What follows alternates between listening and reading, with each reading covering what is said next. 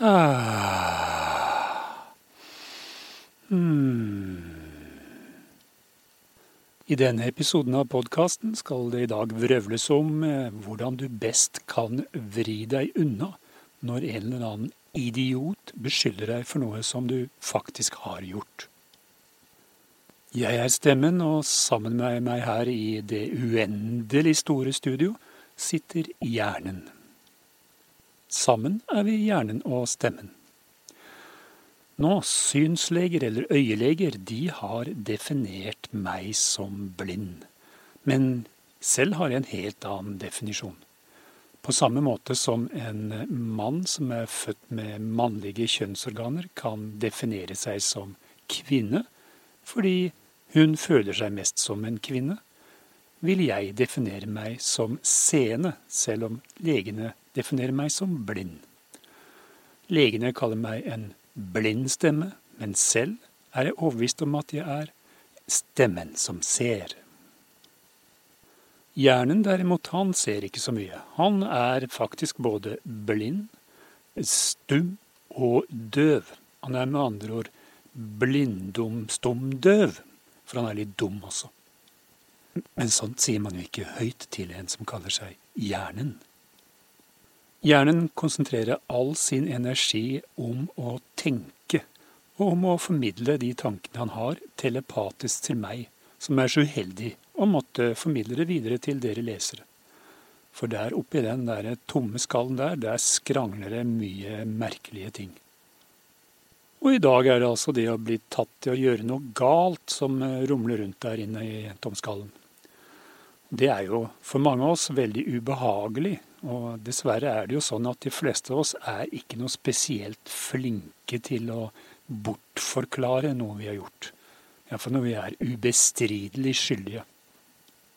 Det bør ikke skremme deg bort fra å prøve likevel, men det er jo fort gjort at du begynner å rote deg inn i selvmotsigelser og svare litt forskjellig når du blir spurt om forskjellige ting, ettersom du blir spurt flere ganger, og av forskjellige personer. Det blir så mye løgn å huske på, så mye du skal sortere og passe på at du ikke sier feil for hver gang du svarer på de samme tingene, og kanskje det blir stilt spørsmål på litt forskjellige måter, noen ganger baklengs. Du skal prøve å huske akkurat den løgnen som du har fortalt forrige gang. Derfor blir de fleste avslørt som løgnere. De blir tatt i å gjøre noe galt, og de blir straffa i å gjøre noe galt. Enten i domstol eller i sosiale lag. At samfunnet eller mediene eller det derre monsteret som heter Facebook, straffer deg. Og venner og familie, så klart. Og folk du ikke kjenner i det hele tatt. Er veldig kjappe til å straffe deg på en eller annen måte. Hvis de er helt sikre på at du er skyldig. Og noen ganger, hvis de ikke aner om du er skyldig i det hele tatt, så hender det at de hiver seg på i og med at alle de andre straffer deg. Ja, som dere hører er jo stemmebåndene godt i gang nå, fint oppvarma her. Så det er jo et godt bevis på at det å være det øyelegene kaller blindstemme, blindstemme, ikke har noe særlig betydning for hvorvidt du kan lage en podkast eller ikke. Nemlig. Derfor er jeg en seende stemme. Stemmen som ser. I og med at det er så lett å bli avslørt hvis du prøver å bortforklare eller lyve om det du har gjort galt, som du selvfølgelig vet selv at du har gjort galt, selv om du ikke klarer å overbevise deg selv om at du ikke har gjort det. Da er det jo selvfølgelig mye lettere hvis du har overbevist deg sjøl på forhånd. Det finnes det jo mange eksempler av oppover i historien og i, særlig politisk liv, da, eh, og blant eh, kriminelle. At de er i stand til å gjøre. Hjernen, som har gjort veldig mye galt opp gjennom livet, og fortsatt gjør noe galt stort sett hver eneste dag, han har kommet fram til at den beste måten å løse dette på, er jo å ikke velge noen som helst forklaring. Rett og slett. Da har du to alternativer. Det ene er flatlegging. Da legger du deg helt flat. Bare innrøm skyld. Gjerne før du blir beskyldt, sånn at du kommer litt i forkjøp og kan det man sier blant eh, politiske rådgivere, eie historien selv. Da definerer du historien selv først, og får den til å fremstå, den feilen du har gjort, i et best mulig lys. før mediehyenene og Facebook-monstre kaster seg over deg. Og vrenger og vrir på ting så du fremstår som noe av det verste som har eksistert i menneskeheten gjennom alle tider. Og hvis du skal bruke flatleggingsteknikken, legge deg padde flat, så er det jo en fordel at du ikke buler så mye, at du er veldig oval. Da, da kommer du liksom ikke helt ned. Men det fins teknikker for å komme helt flatt. Eh, en mindre brukt, men svært effektiv teknikk, mener hjernen da, er å rulle seg inn under buken på en flodhest, og så kile den oppunder eh, beinhulen, hvis det er det det heter, med at de ikke har armhuler, til de bare ler så fælt at de klapper sammen og legger seg flatt oppå deg. Da blir du garantert flatlagt. Ingen tvil. Men eh, flatlegging handler jo om så mye mer enn å bare se ut som ei pannekake. Du må også være ei pannekake. Du må med andre ord være spiselig og flat. Da må det du sier, være troverdig. At du faktisk fremstår som at du er dypt, dypt angrende. Og at du aldri kommer til å gjøre noe sånt noen gang igjen. At det var eh, At du virkelig har medynk og ber om unnskyldning på det dypeste. Og da kan det være klokt som regel å finne en unnskyldning som høres ut som en unnskyldning, men som kanskje ikke helt er det. Men det er en vanskelig balansegang. Det er fort gjort å bli tatt på det. Det har vi også eksempler fra flere ganger i politikken. Jeg beklager veldig sterkt at du føler det på den måten etter at jeg gjorde det. Det er ingen ekte unnskyldning. Men det er forsøk verdt hvis du bare klarer å ordlegge deg snedig nok så det ikke blir avdekka at du egentlig unnskylder at de føler seg skada eller tråkka på eller hetsa eller drept. Av deg, fordi du er skyldig som bare det. Det kan være vanskelig hvis du er særlig hvis du er en litt autoritær type eller veldig oppesende og kjekkesende og eplekjekk. Å prøve å anlegge en, en dypt uh, ydmyk, krypende fremtoning. Og er du av de der eplekjekke, veldig autoritære og selvsikre typene, så, så må du virkelig legge deg i selen og øve på dette på forhånd. Du bør faktisk begynne tidlig, allerede fra barna av. Du skjønner sjøl hvilken type du er. Og du vet at hvis du er en sånn type, så kommer du til å gjøre mye galt. Og du kommer før eller siden til å bli tatt på fersken i noe av det du gjør. Så begynn å øve så fort du bare kan, så tidlig du kan.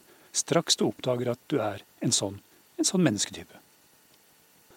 Og ikke gi deg før du virkelig føler deg som en paddeflat, varm, søt og deilig pannekake som hvem som helst kan få lyst til å spise. Da først er du troverdig i din flatlegging. Og for all del, ikke begå den feilen at du legger deg flat, tilsynelatende. Først ligger du deg flat, du sier at du legger deg flat, og så kommer du med en men, men, men øh, i, hvis at det, om at det, men under andre omstendigheter og osv. Ikke gjør det. Det feiler alltid. Da blir du iallfall dypt skyldig i alles øyne, og kommer neppe på fote igjen noen gang. Den renvaskingen blir betydelig mye vanskeligere enn å kjøre en flodhest gjennom en bilvask. Uten at noen blir skadet eller noen ting blir ødelagt. Nå vil hjernen mene nå uansett at flatlegging er eh, kanskje for de som virkelig klarer å trene og øve og bli flinke og, og være, kan klare å være i stand til det. Og det er jo faktisk ikke så veldig mange av oss som er det heller. Selv om vi aldri så, så ydmyke og, og unnskyldende og ser aldri så triste og lei oss ut fra naturen av på forhånd. Det er vanskelig, det også. Så for de fleste av oss så er det en helt annen teknikk som er mye bedre egna. Blånekting. Bare nekt. Si nei, det var ikke meg, jeg har ikke gjort det. Det var ikke meg. Jeg kunne aldri gjort noe sånt. Jeg kunne vel ikke falle meg inn og gjøre noe så gærent. Ikke skyld på meg, det var ikke meg, det må ha vært noen andre. Det var broren min, mora mi, søstera mi, sønnen min.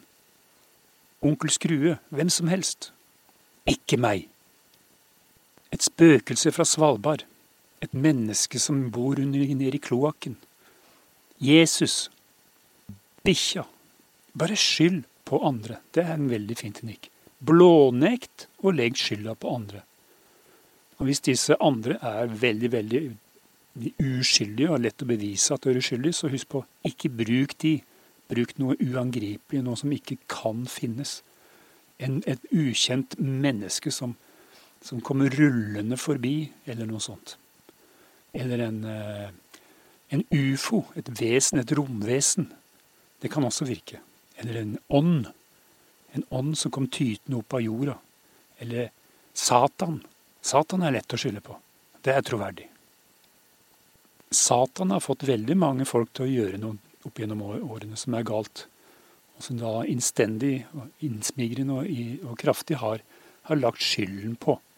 Eh, og Det fungerer ofte da i, spesielt i dypt religiøse kretser, der Satan er en, en, en virkelighet, en virkelig sterk skikkelse som de tror på, og, og prøver å unngå å bli ja, lurt eller eh, smiska med til de gjør noe galt selv.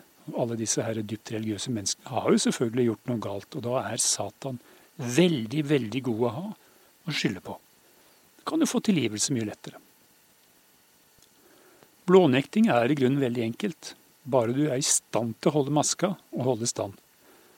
Om du er aldri så skyldig, om du så har blitt tatt på fersk gjerning med 100 vitner og videobevis og hva det skulle være, og troverdige vitner, om det så er paven og Gud og Mohammed og hvem det skulle være, som har sett deg. Da er det bare å fortsette å knipe sammen Knip munnen sammen. Knip kjevene sammen til det gnistrer og knaker og knepper og detter biter av tenna dine. Og så åpner du bare leppene på en veldig, veldig, veldig bitte liten smal strek og sier Det var ikke meg. Det var ikke meg. Nei, det var ikke meg. Det var ikke meg. Nei, jeg er ikke skyldig. Nei. Det er det bare å fortsette med. I, I det uendelige kan du holde på sånn. Det er klart du kan bli veldig sliten i kjevemusklene og sånt av å knipe seg hardt sammen.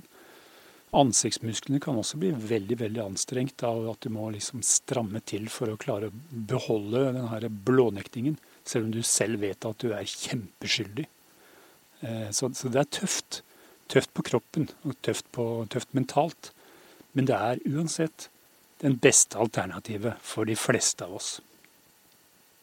En god teknikk, særlig hvis du er veldig stramskinna, er å knipe sammen rumpemusklene. For da, hvis du er så stramskinna, så åpner øynene seg på vidt gap.